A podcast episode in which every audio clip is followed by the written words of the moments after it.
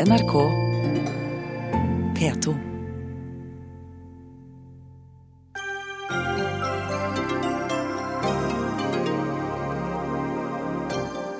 Vi skal skape flere jobber i det private, sa Erna Solberg. Men det ble ikke flere jobber, og de kom ikke i det private, men i det offentlige. Høyre er uenig med seg selv. Skal de fjerne barnetrygden og bruke pengene på gratis barnehage? Høyre møter seg selv hos oss. Og matintoleranse sitter i stor grad i hodet på folk, mener lege.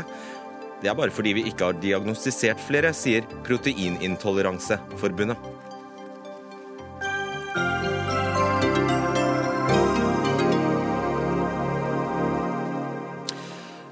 Da ønsker vi god kveld jeg, og velkommen til Dagsnytt 18. Jeg heter Fredrik Solvang. Vi starter med legestreiken. For i dag ble pasienter og sykehusansatte møtt av leger med gule streikevester utenfor flere av landets eh, største sykehus. I natt ble det brudd i meglingen mellom Akademikerne og arbeidsgiverorganisasjonen Spekter. Og legestreiken trappes opp fredag om partene ikke kommer til enighet. Norsk helsevesen skal være oppe og stå 24 timer i døgnet hele året, og konflikten handler om arbeidstid og turnus, hvile og jobb, eller mer konkret om kollektive avtaler og større fleksibilitet. Men ikke om penger, fastholder de streikende legene. Og oppi alt dette, hva med oss pasienter? Just Ebbesen, du er administrerende direktør i Sykehuset Østfold, som ligger i Sarpsborg, og møtt, ble møtt av de streikende legene da du kom på jobb i dag. 23 av 195 sykehusansatte er tatt ut til streik ved ditt sykehus. Hvilke konsekvenser for det? Jeg korrigerer, Vi er ca. 570 leger i sykehuset, så det er en relativt liten andel.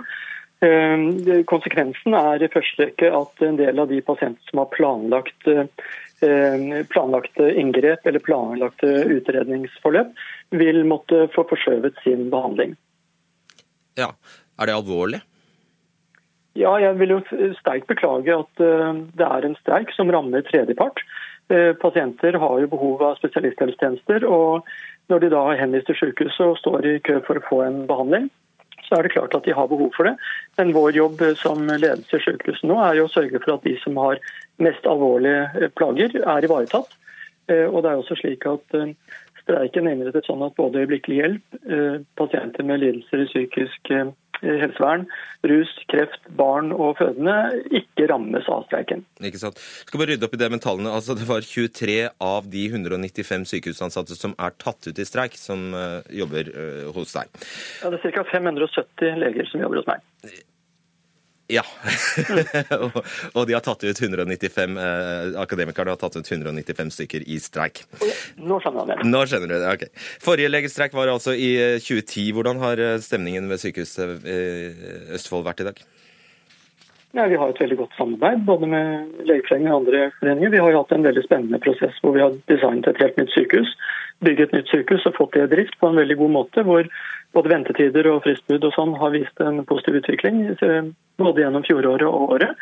Så i hovedsak så vil jeg si at det er god stemning. Og vi hadde også en god dialog i dag morges da jeg møtte streikekomiteen og sentrale personer i Legeforeningen på vei fra parkeringsplassen. Ja, og du rapporterer til fylkesmannen hver dag nå om situasjonen så lenge det er streik. Hvor lang tid kan det gå før det går utover liv og helse? På det uttaket som er gjort nå, med de 23 legene hos meg, så vil det være uheldig og beklagelig for de pasientene som blir rammet. Men akkurat når det vil gå utover liv og helse, det syns jeg er litt vanskelig å svare på konkret i dag. Har du forståelse for streiken? Jeg kan ikke se at det er noe grunnlag for streik ut fra det som har vært problemstillingen slik jeg har fått framstilt, men dette er en konflikt mellom sentrale parter. Og når det er en konflikt mellom sentrale parter, så må de redegjøre for hva som er grunnlaget for at det blir brudd. Det skal de få gjøre nå. Tusen takk skal du ha, Just Ebbesen. Anne Kari Bratten, du er administrerende direktør i arbeidsgiverorganisasjonen Spekter, og har altså greid å skape en streik? Det er vel Legeforeningen som har skapt streiken. Spekter og sykehusene har ikke krevd noen endringer i tariffavtalen i det hele tatt. Hva handler dette om? Altså, Sykehusene og Spekter har ikke ønsket noen endringer i tariffavtalen. Vi har en tariffavtale som vi mener gir åpning for ulike typer måter å planlegge arbeidstiden på. Og å planlegge arbeidstiden på nye måter vil være nødvendig i fremtiden når vi skal være med å skape pasientens helsetjeneste, hvor pasienten skal stå enda mer i sentrum. Vær så konkret du kan, og gjerne så uh, detaljert som du kan. La oss ta en helt vanlig sykehuslege. I dag går vedkommende i en såkalt rullerende rullerende vaktplan. Eh, la oss si at det er sju leger. Da er det sju uker den, eh, denne vaktplanen eh, deles på. Og så? Ja, og så er det slik at Mange steder vil de fortsette med det, men noen steder så ønsker de å etablere arbeidsplaner som har et mye lengre planleggingshorisont enn de sju ukene. F.eks. 20 uker, et halvt år, et helt år. Og det er helt nødvendig, fordi nå skal f.eks. fra 15.9 skal det være slik at for mange store pasientgrupper så skal de ha rett på en såkalt kontakt Eh, lege. Og da skal vi sykehusene måtte kunne planlegge for at den kontaktlegen er på sykehuset når du som pasient kommer dit. Og hvis du blir innlagt på nytt f.eks., så er det store fordeler hvis du møter den samme legen du møtte forrige gang. Og med det kravet som Legeforeningen nå har fått nei til i årets lønnsoppgjør, hvis det skulle vært innfridd, så hadde ikke vi kunnet planlegge slik som våre folkevalgte ønsker. Hvilket krav var det? De har ønsket at det kun skal være etablert arbeidsplaner som det du refererer på rullerende planer, som vil innebære at arbeidsplanene settes opp selv om vi vet at legen er borte. F.eks. hvis vi vet at legen skal på kurs om noen uker, så settes det likevel opp med at han er på jobb. Og som en annen lege kan gå inn og ta det som overtid på kort varsel. Hvor mye må du betale han da? En, en, overlege får normalt rett i underkant av 20 000 kroner for en sånn ekstra overtid. Da. En vakt? En vakt, ja. Uh, og det du ønsker, er da en fleksibilitet, selvfølgelig, til å kunne uh, fylle inn disse hullene når du ser, altså før de oppstår? Ja, vi vet jo det. Vi gjør jo det med andre arbeidstakergrupper. Vi gjør f.eks. det med sykepleiere. Hvis vi vet at de skal ha fri på en fredag for å reise til Roma, de skal ha ferie, de skal ha tilrettelagt fordi de er gravide f.eks., eller de trenger tilrettelegging fordi de har nådd en viss alder, så planlegger vi for det for andre grupper. Og det må vi i økende grad gjøre for legegruppen også. Og Jeg skjønner jo da veldig godt hvorfor Legeforeningen eh, protesterer og streiker, hvis det eneste du har å tilby er å eh, lage en kjipere turnus? De, det blir ikke kjipere av dette, det blir jo mer forutsigbart. Det blir lettere å legge forholdene til rette for den enkelte. Den enkelte lege vet jo kanskje når han må ha fri på en fredag eller når han skal på kurs, og da har, vet, jo, vet jo legen at han kan få fri til å gjøre det. Og så er det sånn at legene bare jobber dagtid. Ja, Legene jobber fram til klokken 17 eller 18, og deretter så er det kun beredskap. Så legene går jo hjem etter vanlig dagarbeidstid, slik at det er beredskap etter et visst tidspunkt på ettermiddagen. Men det er relevant også for denne konflikten. Hvorfor det? Det vet jeg ikke. Fordi i disse Stemmer det at du, i, i, du ønsker frihet til å kunne sette, sette legene opp på flere ubekvemme vakter? Nei, altså det er slik at Vi har opp, eh, registrert at Legeforeningen over lengre tid har ment at disse lange vaktene på 19 timer og ukene på 60 timer er ubekvemme og slitsomme. Så vi har jo ønsket å etablere arbeidsplaner hvor du kan få færre lange uker og færre korte, lange vakter. Eh, og Det kan vi f.eks. gjøre ved at vi setter opp eh, arbeid også i de ukene hvor legene i dag ikke jobber i det hele tatt, og de har sånne friuker i arbeidsplanen sin. Da får de færre friuker, og så får de færre uker med 60 timer. Det er også arbeidsgivers mål, på den måten for redusert arbeidsbelastningen på den enkelte lege. Da er det jo veldig rart de sier nei, hvis dette er så gunstig. Ja, det syns jeg også, fordi dette vil være med å skape pasientens helsetjeneste. Det vil være mindre overtid på den enkelte lege, blir mer tid til faglig fordypning og faglig forsvarlighet. Så sier de legene at dette handler overhodet ikke om penger. Er det sant? Jeg har ikke fått noe økonomisk krav fra dem som dreier seg om dette. De har vært opptatt av at de har en høy arbeidsbelastning, og vi ønsker å samarbeide med Legeforeningen lokalt hele tiden for å skape arbeidsplaner som gjør at det blir mindre vaktbelastning på den enkelte lege, og slik at vi på sikt kan ha det slik at ingen leger trenger å være utenfor arbeidsmiljølovens arbeidstidsbestemmelser. Jeg har forstått det slik at riset bak speilet for legenes del er at eh, de kan true deg med at eh, ja, vi kan godt gå inn under Vi kan godt underlegge oss arbeidsmiljøloven, vi, og, den, og dens ganske strenge rammer. Det vil koste deg ganske dyrt i lengden. Altså, det har vi tilbudt dem, at vi kan ha en prosess for at de kan komme inn under arbeidsmiljøloven. Vi må jo ha det sånn i Norge at også leger kan være under arbeidsmiljøloven. Men hittil så har Legeforeningen vært bekvem med at vi har disse unntakene som gjør at de kan jobbe disse lange vaktene. Hvor lenge kan vi ha en streik? Den streiken varer jo så lenge eh, Legeforeningen vil. Det er jo en lovlig streik, og jeg har full respekt for at de vil streike for å få gjennomslag for det de ikke har fått ja, til. Det er jo ikke alltid Legeforeningen får ja til sine krav i lønnsoppgjør, og denne gangen så har sykehusene sagt nei til de kravene som har blitt stilt. Takk skal du ha, Anne Kari Bratten, administrerende direktør i Spekter. Nå møter du Marit Hermansen i døra her. Du er president i Den norske legeforeningen, og man kan jo forstå at Eller det pleier å være sånn at man ikke diskuterer eller debatterer når man er i konflikt. Vi i Dagsnytt 18 syns det er tullete, men vi får bare respektere det. Stemmer Hva, hva sier du til det Bratten sa her? Vi kunne godt ha møtt eh, Bratten her. Eh, vi har forhandlet eh, lenge og ikke møtt noen bevegelse fra motparten. Arbeidsgiver snur det hele på hodet. De sier at de ikke har hatt noen krav i disse forhandlingene, men det de har gjort er at de har endra praksis. Vi er opptatt av å ha forsvarlige arbeidstidsordninger. Det som er helt nytt nå, er jo at arbeidsgiver ønsker styring også over de timene som er utover lovverket. Vi har avtalt sammen med arbeidsgiver at eh, leger kan jobbe lenge og mye. Og det er det felles interesse for. Eh, da vi avtalte det i sin tid, så var det under forutsetning at det var noen rammer for disse ekstra timene utover arbeidsmiljøloven. Hva betyr det? Jo, at eh, vi har et lovverk som skal beskytte arbeidstakerne, sånn at man ikke jobber uforsvarlig lenge. Hvis vi da, men vi kan avtale noe annet. Da er det plutselig ikke uansvarlig lenger? Da, så lenge man avtaler seg ut da, Nettopp da må man sette rammer for det, sånn at det ikke blir uansvarlig. Det som skjer nå, er at eh, arbeidsgiver sier at de ensidig kan disponere disse ekstra timene som vi felles har avtalt utover. Og det kan ikke vi akseptere. I de rullerende ordningene så gjør det at man nettopp får avstand mellom uh, disse lange vaktene. Og så er det snakk om, uh, snakk om lange vakter.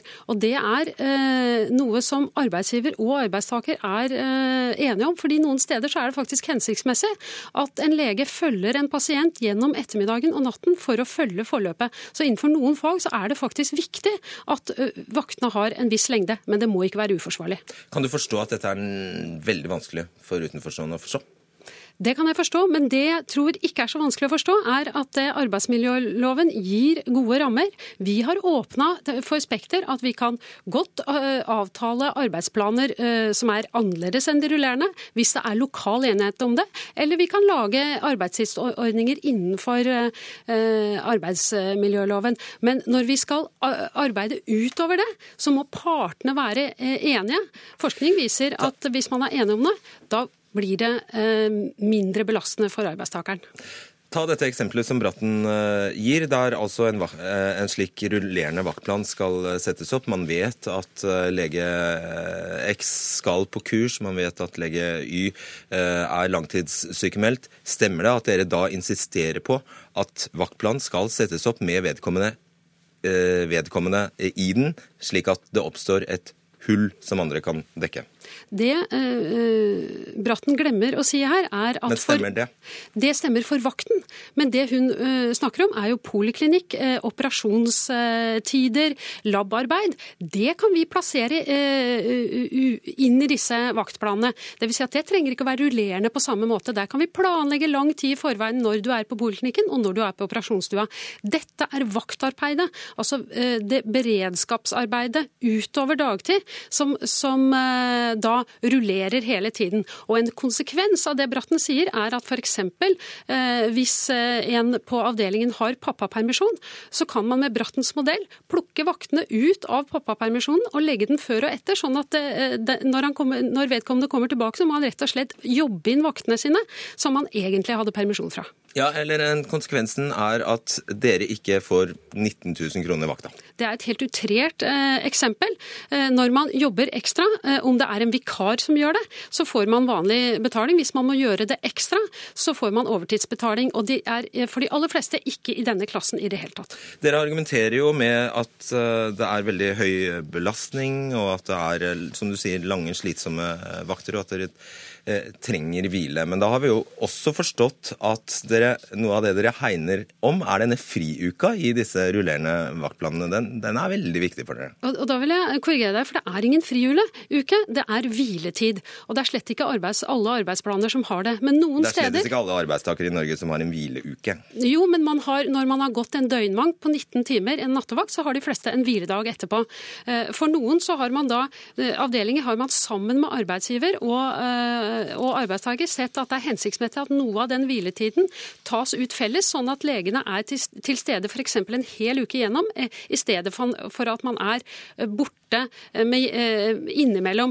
Det er, det er, fordi at når en pasient blir innlagt på sykehuset, så ligger man kanskje, kanskje en fire-fem dager, og da er det faktisk viktig at den samme legen kan følge pasienten en fire-fem dager. Så i noen avdelinger så er dette faktisk en ønsket og hensiktsmessig måte å avvikle hviletiden på, sånn at gjennomsnittstiden blir den samme i den rullerende plan. Skal ikke dere ta noe ansvar for eh, det Bent Høie kaller pasientens eh, helsetjeneste? Jo, det tar vi ansvar for. Eh, og vi har tilbudt eh, Spekter å diskutere andre eh, arbeidstidsordninger med lokal avtale, og diskutere ordninger innenfor arbeidsmiljøloven. Men vi trenger at den enkelte arbeidstaker har en kollektiv beskyttelse når vi skal gi så store unntak fra arbeidsmiljøloven. Så vi skal ta ansvar for det. Og nettopp ved at vi har forsvarlige arbeidstidsordninger, så blir helsetjenesten for pasientene god. Og raskt til slutt, kan denne konflikten løses med penger? Nei, har, dette handler ikke om lønn. Eh, vi har tilbudt Spekter å diskutere Jeg sa ikke lønn, jeg Nei, sa penger. Vi har tilbudt Spekter å diskutere de økonomiske elementene i dette. Det har Spekter avvist. Kan den løses med penger? Eh, den må løses ved at vi får rullerende ordninger, og så skal vi gjerne møte Spekter når som helst ved forhandlingsbordet, men da må de bevege seg. Takk skal du ha, Marit Hermansen. Dagsnytt 18 alle hverdager kl 18.00 på NRK P2 og NRK2.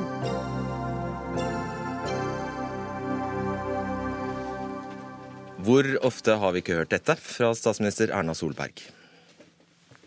Skal dette mestres for Norge på lang sikt, så må vi skape flere jobber. Derfor er det underliggende viktigste arbeidet til regjeringen det er å bringe Norge gjennom omstillingen og endringene på en god måte, som gjør at vi skaper nye jobber i Norge. Og vi må skape nye jobber i privat sektor.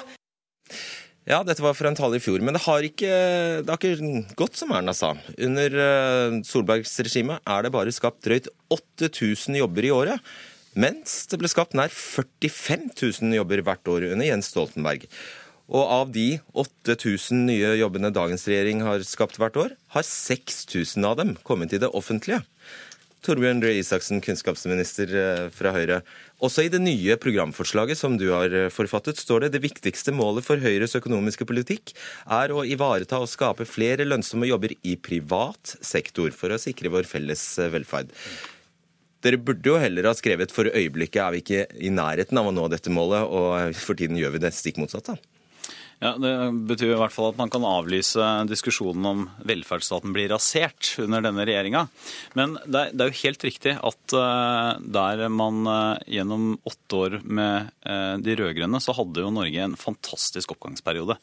Eh, oljepris på 120 dollar fatet. I 2014 så sank den oljeprisen som en stein ned til ja, det laveste var vel omtrent 30 dollar fatet.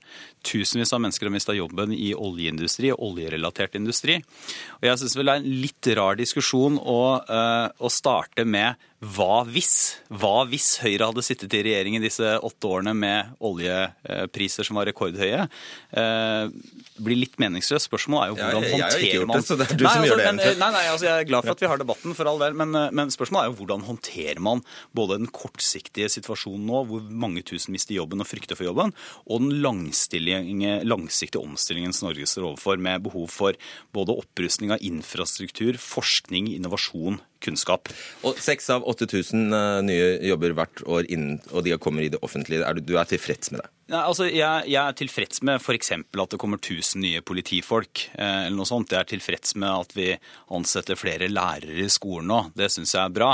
Men det er veldig klart for Høyre at vi kan ikke erstatte lønnsomme arbeidsplasser i privat sektor med arbeidsplasser i offentlig sektor. Og Det er derfor vi trenger privat vekst. Ja, akkurat det dere gjør si, nå, da. Eh, jo, men altså, nå er vi jo inne i en situasjon hvor, eh, hvor, bunnen har Eller bunnen har ikke gått helt ut, men altså vår største, viktigste næring har opplevd sannsynligvis den største krisen har hatt på lenge. Bare for å føye til én ting til, så vil jeg si at eh, jeg syns jo én ting som Stoltenberg-regjeringen gjorde godt, var å håndtere finanskrisen. Eh, jeg syns vi skal bli målt på hvordan vi håndterer den sysselsettingssituasjonen med økende arbeidsledighet nå, og hvordan vi håndterer den langsiktige omstillingen, ikke på spørsmålet om hva hvis. Mm. Hadia Tajik, nestleder i Arbeiderpartiet. Du tror kanskje du er invitert hit for å bare hovere, men eh, jeg skal forsøke å stille noen eh, vanskelige spørsmål til deg òg. Altså, hvis vi hadde tatt ut disse årene, som eh, Røe Isaksen sier, årene 2008, 2009, 2010, så er det langt fra sikkert at bildet hadde sett så annerledes ut. Det som er viktig, er at òg under den forrige regjeringen så opplevde man et jordskjelv i verdensøkonomien gjennom finanskrisen. Eh, og det er ikke noe man eh, håndterer bare på kort sikt. Det er klart at eh, Man må ha et lengre perspektiv på det, men det det viser, er at under den forrige regjeringen, til tross for motgang, til tross for vanskelige tider, så klarte man å skape 360 000 nye arbeidsplasser, der to tredjedeler av de var i privat sektor.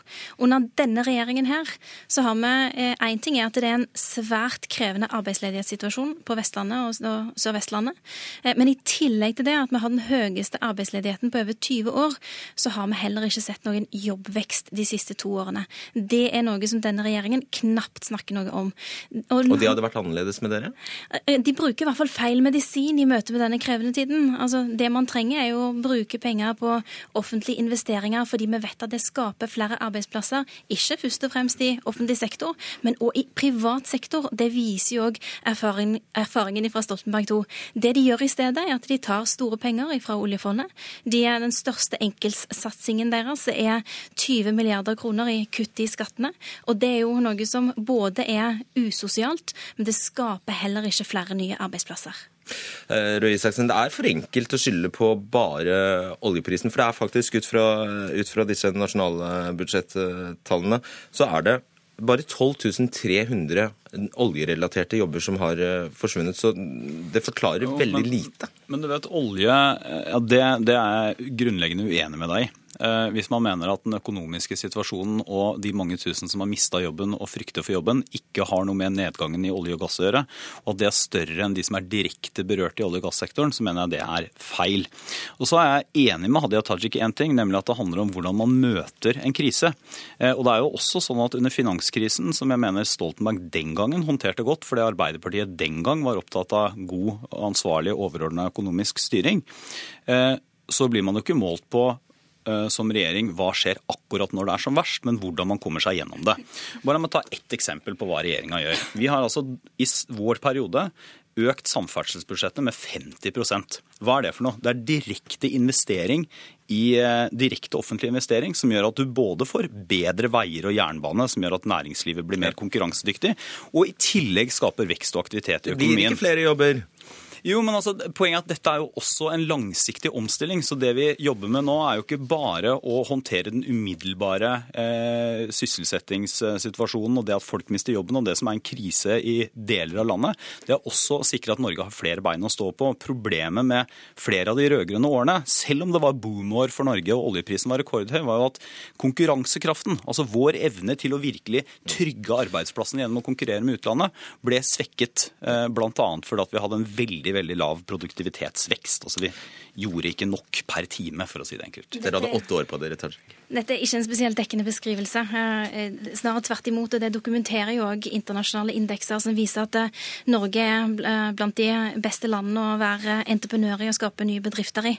Det var virkeligheten under Stoltenberg II. Det, altså det går det på en måte ikke an å snakke seg vekk ifra fra Torbjørn Røe Isaksen sin, sin, side heller.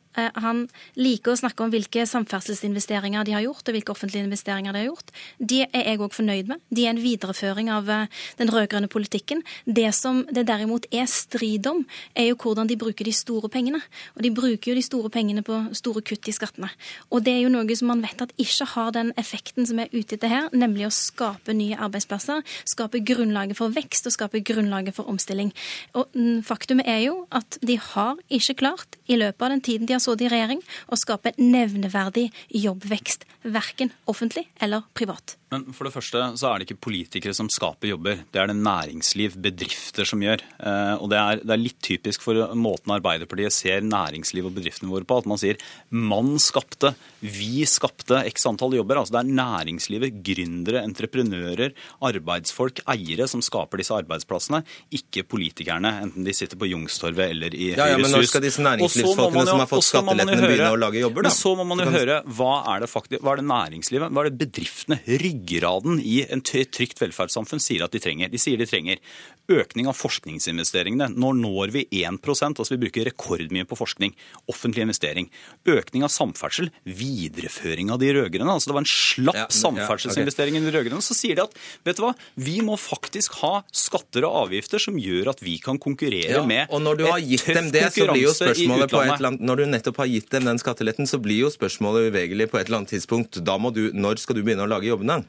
Jo, men skattene har jo da, altså I løpet av vår periode så vil det være ca. 20 milliarder som skattene har gått ned. Noe som for øvrig er mikroskopisk sammenlignet med hva vi har brukt på forskning, samferdsel, helse, alle de store velferdsoppgavene våre. Men det er jo en langsiktig investering også i å øke vekstkraften, trygge arbeidsplassene i norsk næringsliv. Og det som er Arbeiderpartiets løsning, er jo per dags dato helt ut i det blå. For Arbeiderpartiet har jo ikke bestemt seg for om skattene skal gå opp eller ned engang. De har ikke bestemt seg for om næringslivet som krever forutsigbarhet fremfor alt, skal de få samme skattenivå, lavere skatt, eller skal de få høyere skatt? Okay. Tajik, eh, vi har sett på en annen statistikk. Den kom fra SSB og handler om virksomheter, altså etableringer. Og Den viser faktisk at i løpet av åtte rød-grønne år under Jens Stoltenberg, så ble det i snitt eh, etablert 8700 virksomheter per år. Mens under Erna Solberg blir det etablert 15 000 nye virksomheter hvert år. Det viser i hvert fall at gründerne er mer optimistiske under denne regjeringen. Jeg er veldig for at eh, det blir flere gründere, flere som ønsker å skape nye bedrifter og arbeidsplasser på den måten der. Samtidig så vil jeg minne om at eh, de aller fleste nye arbeidsplasser de skapes i eksisterende bedrifter. Det er noe av det som òg eh, er altså de arbeidsplassene som er mest levedyktige, skaper mest verdier, fordi det handler om at det, det er de eksisterende bedriftene som er lokomotivene i våre, våre industrier. Så mener jeg jo absolutt at man skal legge til rette for gründervirksomhet. Eh, det, men det vi dessverre òg vet, er at eh, av de som starter nye virksomheter, så er det omtrent bare en eh, tre av ti som overlever de første fem årene.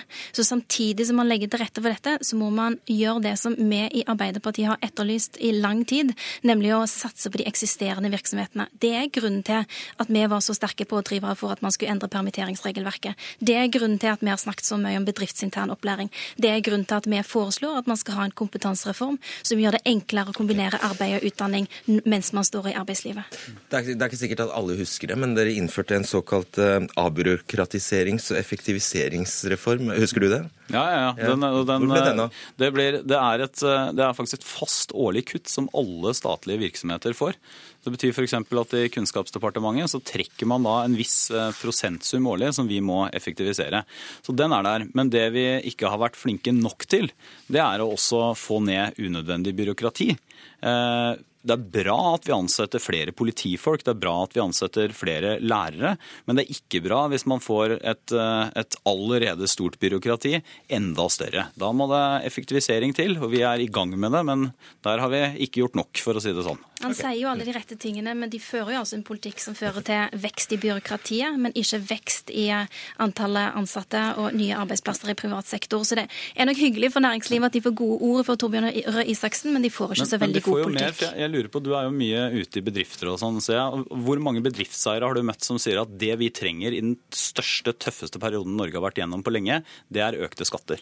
Har du, møtt, har du møtt, noen Nei, sånne du, du kan ikke jeg vil, jeg vil gjerne svare på Arbeiderpartiets skattepolitikk. fordi det du kan si om Arbeiderpartiet Arbeiderpartiet vi kan være rett og slett litt kjedelige, litt forutsigbare. Fordi det som er gjenkjennbart ved oss, det er at vi prioriterer trygg økonomisk styring. Og skattepolitikken vår finner du i vårt alternative statsbudsjett. Eh, to eh, av tre alminnelige lønnsmottakere de får lik eller mindre skatt enn okay, i dag greit. med vår politikk. Takk skal dere ha, Hadia Tajik og Torbjørn Røe Isaksen, men du blir sittende, Røe Isaksen.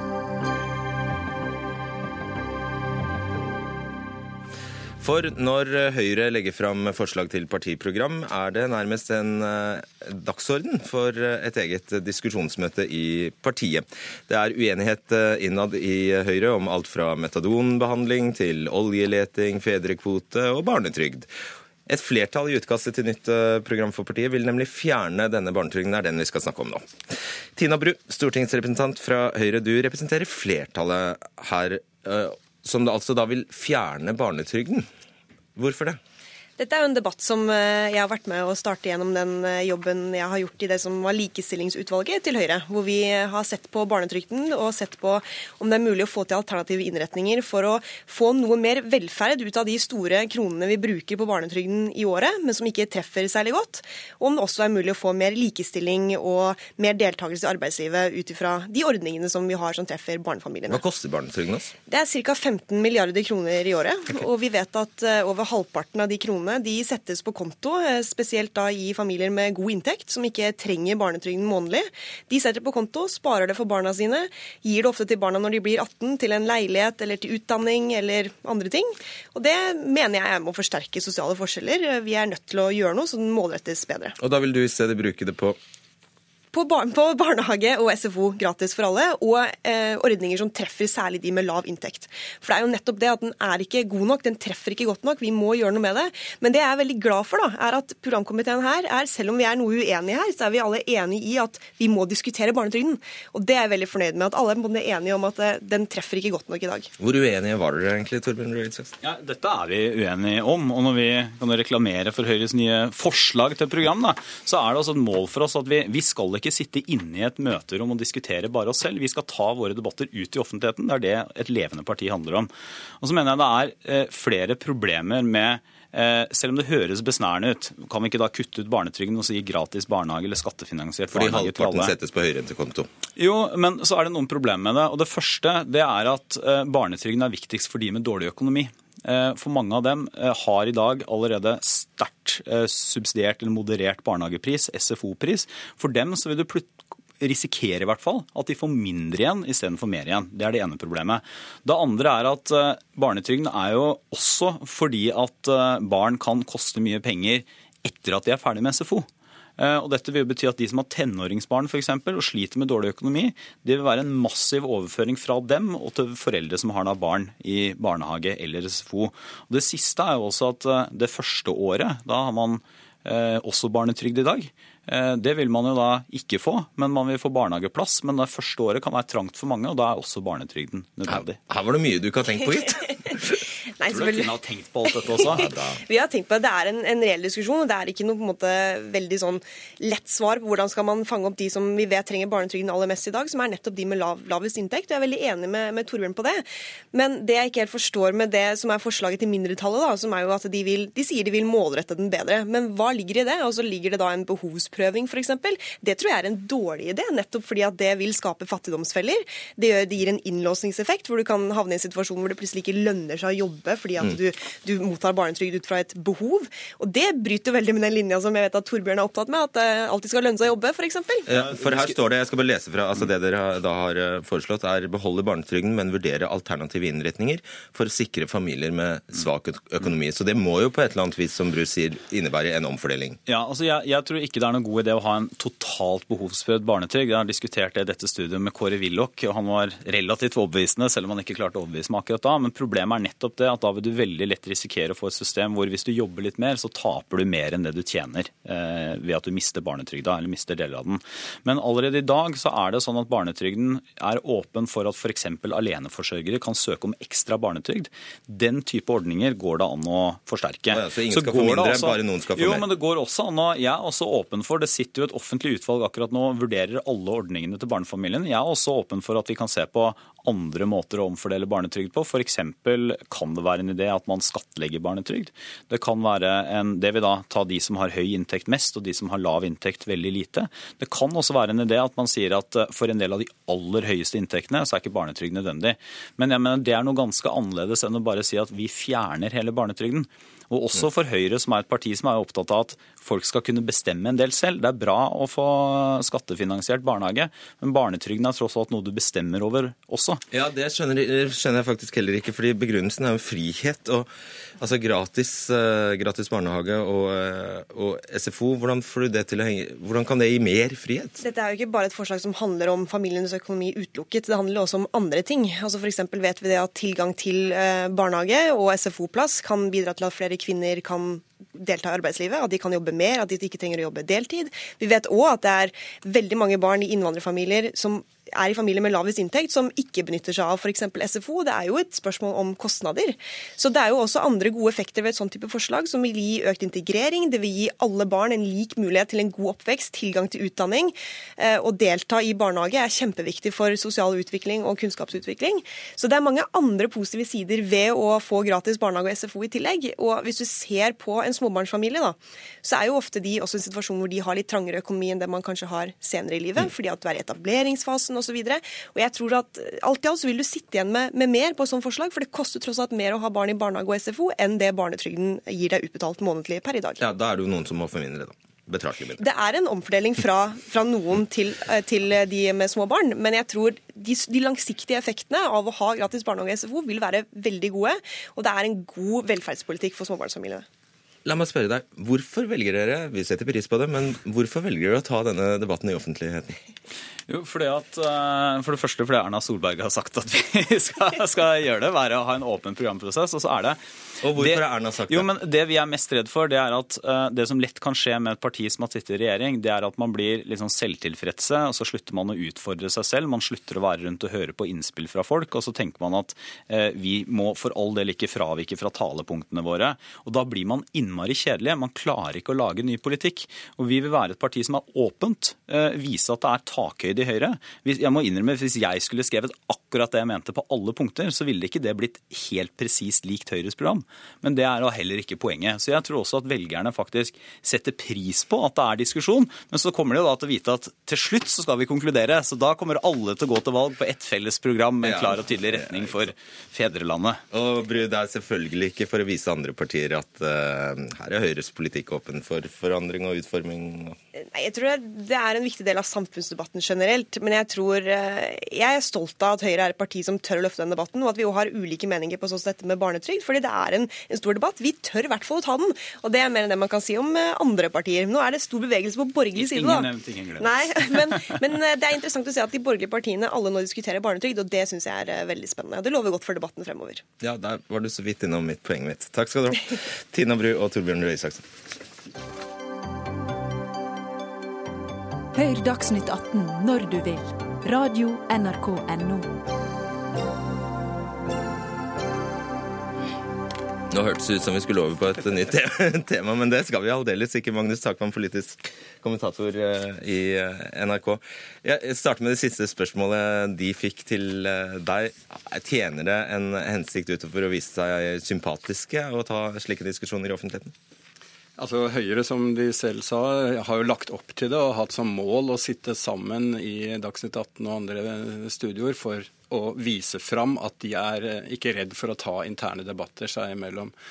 Eh, så jeg tror det er lurt. Eh, selvfølgelig, siden dette temaet er politisk ufarlig for dem også.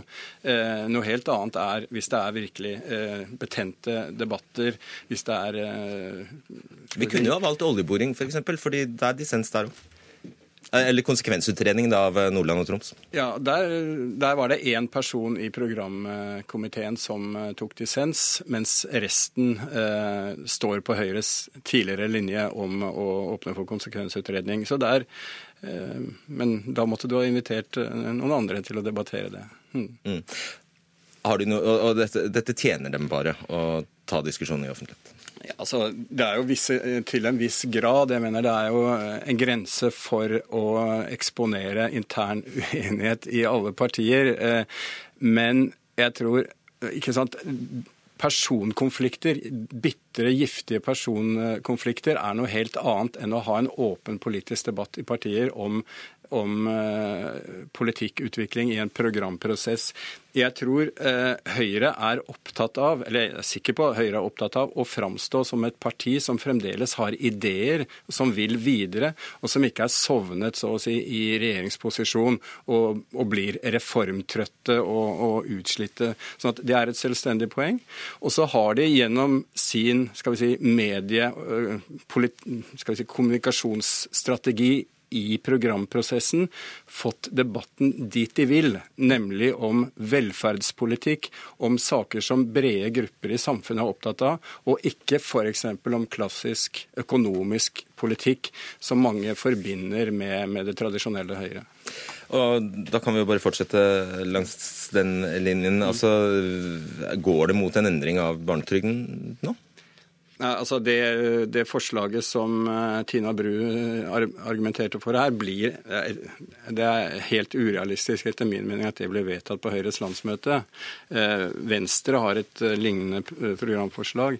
Men jeg tror motargumentene om at barnetrygden er så viktig for store grupper av de lavinntektsfamiliene i Norge, det står så sterkt at man vil beholde barnetrygden. Men jeg tror, som de også var inne på, og som det er på dagsordenen i mange andre partier, at man vil ha en bedre innretning på barnetrygden. Eh, fordi det er et faktum at den norske middelklassen er blitt såpass velstående at som de sa, halvparten av, av oss setter disse pengene inn på, på bankkonto.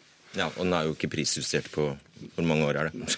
ja, Siden 1996, tror jeg. Og det gjør jo at den i og for seg blir mindre viktig eh, sett over langs, men viktig nok for, for, dem som virkelig trenger den, selvfølgelig. Mm. Takk skal du ha, Magnus.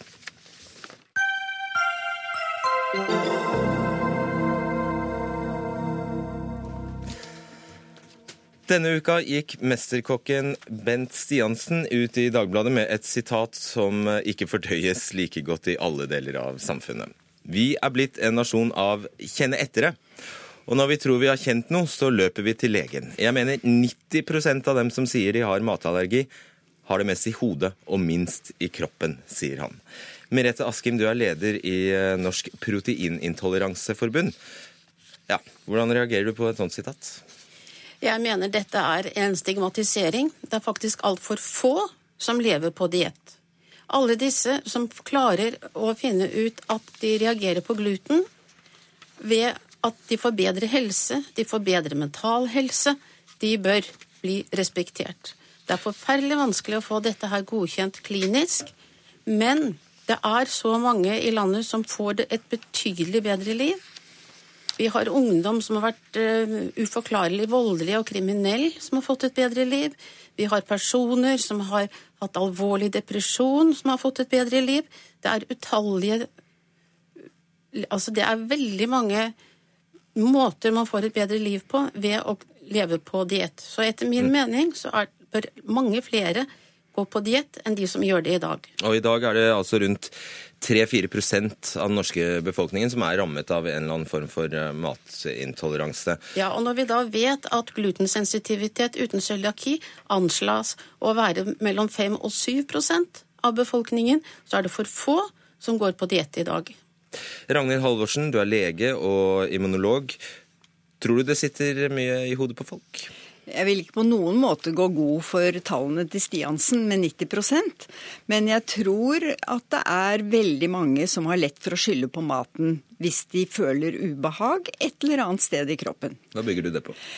Eh, bygger det på lang erfaring, hvor vi har arbeidet med Jeg har arbeidet mest med barn som kommer med spørsmål om de lider av en matintoleranse. Og jeg må si at de aller, aller fleste greide vi å avdiagnostisere.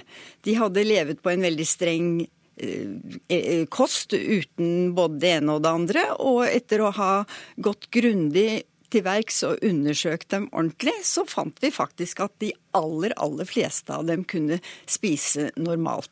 3-4% er altfor lite, sier Askim. Hva, hva ser du? 3-4 eh, tror jeg er et ganske rimelig godt tall. Men jeg, vi vet jo at det finnes eh, mange som har en eh, sensitivitet for gluten som ikke er cøliaki.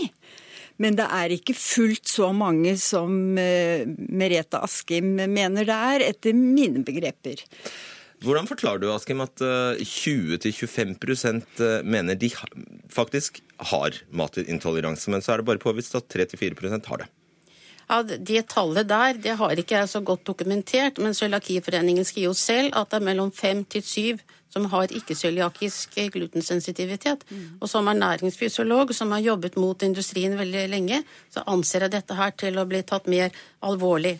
Men vi i NPIF vi har i våre vedtekter at alle skal bli vurdert medisinsk først. Og hvis det da medisinsk er vanskelig å påvise, så har vi blodprøver som kan være til hjelp.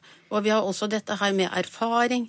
Vi ber folk eh, få dokumentert hvordan er de i dag, hvordan er de når de går på en diett, har det skjedd en endring, da kan det være kosten. Så ber vi dem å provosere.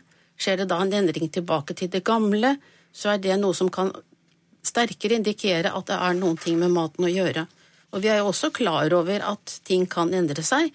Og når man sier at det har vært lite av intoleranse før, og det er mer i dag, så må vi komme på hvorfor kan dette være så store forskjeller? Kan det ha noen ting med tarmfloraen å gjøre? Kan det ha noe med antibiotikakurer å gjøre? Og når man da ja, sier at det... Er det hevet over enhver uh, jeg spør deg, Halvorsen, er det hevet over enhver tvil at det er mer av det? Det er mer matallergi i dag enn det var for 30 år siden. Og det er sikkert også mer intoleranser, eller at vi diagnostiserer flere.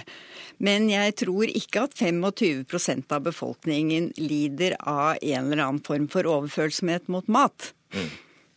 Altså Noen av de som sier de har matallergi, har, jo det, har det jo faktisk. Eh, er det ikke da fryktelig farlig med eh, folk som ikke blir tatt på på alvor at vi andre ser på dem som en gjeng sytekopper? Jeg er helt enig at alle som har plager, skal tas på alvor. Og når noen kommer og sier at de har, føler at de har vondt i magen, de har oppblåst mage osv., så, og så, videre, så må de undersøkes grundig. Og en stor del av dem har faktisk noe som kalles for irritabel tarm, som er en veldig plagsom uh, lidelse. Men de har ikke matintoleranse. Men når det er sagt, så må jeg også si at uh, mange av de som har en irritabel tarm, kan bli bedre ved å kutte ut visse matvarer, mm. også gluten. Og dette med irritert tarm, eh, Askim, er jo en kjent, uh, en, en kjent sak at det, det, ofte kan forveksles med, med allergi. hvordan kan du være så sikker på at det i disse tilfellene er snakk om intoleranse? Nei, som jeg sier, det må en medisinsk utredning til, og det må gjøres kostforsøk. Men det er jo veldig mange som erfarer at de blir så mye bedre når de lever glutenfritt, at de ikke vil la seg teste. Og vi har jo også enkelte som har bare blitt provosert i noen få dager. Og har tatt halvannet år før, blir, før, personen er blitt frisk igjen. Mm. Og det, det, når man sier at det ikke er en allergi det, En allergi den vises veldig raskt. Men den matintoleranse den kan vises opptil tre døgn senere, og da har man forlatt sykehuset, og da er det ingen leger som ser hvilke symptomer man får. Skjønner. Enkelt spørsmål. Er gluten farlig? Jeg anser ikke gluten å være farlig. Det er mange som ikke tåler gluten, og dem må vi identifisere. Og hvis staten begynner å lete etter flere som kan reagere på gluten, disse med depresjoner som kan reagere, enkelte med lammelser, som har dårlig muskelkoordinasjon, hvis man leter mer etter om disse har glutenintoleranse Man vet jo at de med cøliaki er overrepresentert innen mentale sykdommer. Så det er en sammenheng som vi må få kartlagt. Hva tror du om det, Halvorsen? Eh, det er klart at mange med cøliaki har en rekke forskjellige symptomer, også psykiske symptomer og symptomer som Askim eh, nevner her. Men eh, alle med slike symptomer har ikke nødvendigvis glutenintoleranse eller cøliaki. Man må finne ut hvem som har det, og der er jeg helt enig med Merete Askim eh, i at de er nødt til å komme til en skikkelig diagnostisering. Og ikke-cøliaki, eh, glutenintoleranse, kan bare diagnostiseres ved rene kliniske tester. Mm. Det finnes ingen blodtester eller andre undersøkelser som kan plukke ut disse pasientene. Derfor er den erfaringen som jeg nevnte, bli provosert, og diett og bli provosert så veldig viktig. Bare et, et, et siste spørsmål om, eh, om, eh, dette med penger. Fordi eh, de som har cøliaki, eller ikke cøliakisk laktoseintoleranse, kan få nesten 2000 kroner i måneden av staten. Er det ikke problematisk at det ligger et økonomisk insentiv i en allerede så vanskelig, ja, vanskelig sak? De som får den diagnosen, de er meget godt dokumentert. Og der er det medisinske kriterier helt klare. Og ingen kan få disse støttepengene uten at det foreligger. Er du enig i det? Jeg er helt enig i det. Det er ingen som får støtte fra Nav for eh, glutenintoleranse hvis de ikke virkelig har det. Ok, Det var betryggende, i hvert fall. Takk skal dere ha, Ragnhild Halvorsen og Merete Askim.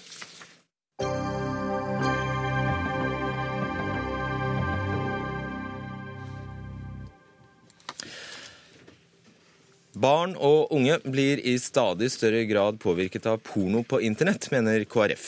Nå vil partiet innføre krav om pornofilter som sperrer tilgangen til slike steder eller sider. Partiet møter motstand. Kjell Ingolf Ropstad, du er stortingsrepresentant for eh, KrF.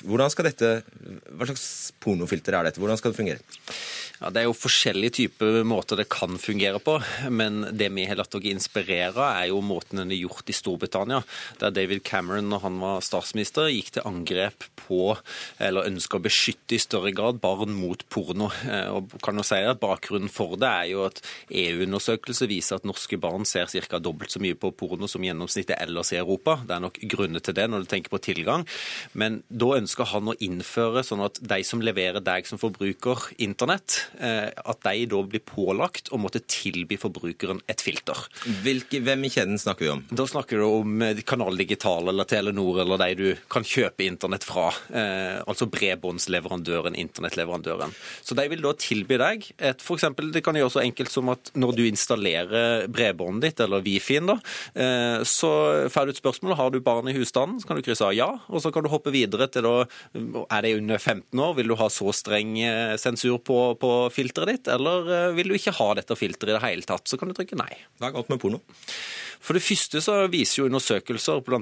Redd Barna, som vi har vist til, da, at eh, mange barn som blir utsatt for det, opplever et stort press. Gutter er nok mer overbevist om at dette ikke er en utfordring i hele tatt, men jentene i undersøkelsen svarer at de opplever at de føler et press på å utføre ting som de ikke ønsker, og de anklager iallfall porno for å gjøre det. Så jeg tror at de aller fleste er enige om at barn og porno ikke hører sammen, og det er det som er poenget her. Hvordan kan vi sikre at barn unngår å møte porno, iallfall uønska? Men òg hindre at de i for tidlig grad oppsøker det i stor grad. Et ja-nei-spørsmål. Du viser til forskning som antyder at uh, norske barn er de som ser mest porno i Europa. Norske barn er vel kanskje også de barna med mest naturlig forhold til egen kropp. Kan det være en sammenheng der?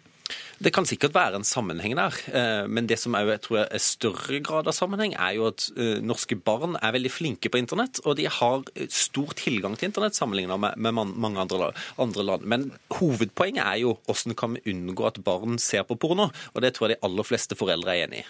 Det er de nok. Direktør, for, eh, i, eh, direktør i IKT Norge, Torgeir Waterhouse. Eh, Storbritannia viser Nei, nå skal du høre. Ropstad viser til Storbritannia her og et pornofilter som David Cameron fikk innført. Var det en braksuksess? Nei da, definitivt ikke, av så mange årsaker. Og det man skal huske på her er at det er ikke noe Du, du stilte et ja-nei-spørsmål i stad som fikk en lang setning som et svar. Og det, det pleier å være sånn. Det pleier å være, og det er på mange måter utfordringen her. Det er ikke sånn at det finnes noe eksakt, presis grense for hva som er porno og hva som ikke er porno. Og det vi er, som vi har vært inne på, alle er enige om at barn ikke skal bruke porno til noe annet som helst. Nå, de vet at det eksisterer, og det er det det får holde. Og vi skal ikke ha den, så det er ikke en debatt om det, og det handler jo ikke om det heller. Men det handler om at konsekvensen av disse filtrene er, er forholdsvis enkel. Dersom du har velfungerende filter som faktisk stopper ting, altså velfungerende fra stoppete perspektiv, så drar du med deg masse annet som også blir stoppa. Problemene i England blant annet, er at man stopper eh, tilgangen til informasjonsnettsteder for seksualopplysning, mye forskjellig med kroppen. Det er en stor sjanse for at med filter i England så ville Newtons serie om kroppen, som gikk på TV i fjor, blitt stoppa. Fordi det ikke er mulig å lage det mer intelligent? Ja, altså du, Hvis du skal virkelig ta, altså filtrere nettet og stoppe ting du ikke vet om fra før og har satt på en liste fra før, så må du bruke mekanismer som handler om gjenkjenning av kropp, bevegelser, hudfarger, tekster osv. Og, og det gjør at man, det er mye i England som stoppes som ikke bør stoppa. Og så er det mange andre grunner til at løsningen ikke er den rette. Men, men her... Ideen er god. Må ta, skille barn og porno. Løsningen er det vi må diskutere. Vi må eventuelt gjøre noe som fungerer, og filter i hodet fungerer. Men Newton er ikke skadelig? Nei, definitivt ikke. Og, Derfor vil jeg understreke at seksualveiledning er jo kjempeviktig. Og jeg syns Waterhouse har gode argumenter med at filter i huet er det beste. Det at foreldre tør å ta den samtalen, den kleine samtalen om porno og seksualveiledning osv. At det fungerer godt i skolen, er kjempeviktig. Er det det du skulle ha foreslått, da? Ja, det har jeg kjempa for mange andre settinger. Og det er jo sånn at eh, eh, Hvis du skal bekjempe et problem, så trenger du ei verktøykasse. Dette er ett av verktøyene. Men, men, jeg må jo si da til IKT Norge at det er litt sånn at IT-folk Eh, hvis du gir det en utfordring, så klarer de som regel å løse den. Og jeg er sikker på at Hvis jeg sier at den sida der, den ønsker jeg ikke skal blokkeres, så jeg er helt sikker på at uh, Torgeir hadde klart å lage en hvit liste over sider som ikke skal blokkeres. Hvis en vil få det til, så får en det til. Det blir kanskje en heltidsjobb, Torgeir Botterhaus. Jeg vet ikke om du, vil ha, du eller noen andre vil ha en sånn jobb? Sitte og følge med på alle verdens nettsider hele tiden. Jeg vil helst ikke ha den jobben. Det, vi vet at det er, det er mye som stoppes. I England så snakker vi om opp mot 20% av nettet er blokkert, så det er mye. Og, og det er mange ting. Men vi skal komme tilbake til det. Leder i FRI, Foreningen for kjønns- og seksual kvalitetsmangfold, Ingvild eh, Endestad. Ja, Du er redd nettopp for nettopp det Waterhouse eh, snakker om her, at eh, et sånt filter skal kunne ramme ren opplysning om seksualitet. Absolutt, og det ser vi jo i noen andre filter allerede. Det er jo f.eks. hvis jeg skal gjøre min, eh, min jobb eh, med å jobbe for lesbiske og homofiles rettigheter, med å få god informasjon til, til ungdom om seksualitet og sånn, så må jeg slå av de filtrene som finnes eh, per i dag. Fordi at rett og slett det kategoriseres som upassende informasjon. Og jeg lurer jo, Man er jo også nødt til å gjøre noen valg i et sånt filter. Sannsynligvis så kan man velge vekk noen sider. Spørsmålet er jo hvem som skal sitte med det valget. Skal, skal analsex eh, filtreres vekk, mens misjonærstilling skal bli der? Altså, eh, I ytterpunktene så vil det være en eller annen moralsk pekefinger her som bestemmer hvilken type informasjon vi skal ha. Og hvis det er foreldre som bestemmer det, så blir det veldig vanskelig for den gruppa som, som jeg representerer, som nettopp ikke kan snakke med foreldrene sine nødvendigvis om den seksualiteten og om den informasjonen som de søker. Gå på internettkafé, da. De kan gå på internettkafé. Men eh, du har et alternativ til et sånt filter? Et alternativ til et filter er å ikke ha filteret. Ja, OK. Ja, greit. Jeg forsto sånn at du hadde et alternativ. Nei, alternativ, altså, det er klart, det er jo ingen av oss det tror jeg vi er enige om, det er ingen av oss som ønsker at, at barn skal lære seg om seksualitet gjennom porno. Men da trenger vi bedre seksualundervisning, og vi trenger gode barn og, altså vi trenger at vi har barn og ungdom som kan ta informerte og sunne valg om seksualitet. Og det lærer man ikke ved å fjerne et filter. Da må vi jo se på det gode grunnlaget som gjør at man også kan filtrere sjøl den informasjonen man får på internett. Ja, Hvem skal sitte med denne pekefingeren? Ja, Vårt forslag ville jo gått ut på at det var internettleverandørene som hadde laga dette filteret, og så styrt det filteret. Men, men, det en ikke skal glemme her, er jo at det er jo foreldrene sjøl som styrer. Noen ukjente mennesker i Kanal Digital skal styre livene våre? Nei, men, men de vil jo selvsagt oppheve en blokade på en eller annen side som, som handler om seksualveiledning. Eh, og En trenger ikke gjøre det vanskeligere enn det er. for det Poenget er jo hvis foreldrene ønsker det, så skru de. Det er jo som det blir sagt her, det fins jo i dag. Det er gratis, det er rimelige løsninger. Mitt poeng er bare at ellers i samfunnet så regulerer vi det vi kan. Altså ta TV, ta filmer, så er det aldersgrenser. Det er tidspunkt du sender på NRK ja. når uh, det er vold eller det er porno eller whatever i det. Poenget er at internett tør vi ikke å røre i engang. Jeg blir overraska over at ikke en er villig til å gi foreldre et enkelt verktøy, og, og bare kunne være med å regulere noe av det ungene de sine gjør på nett.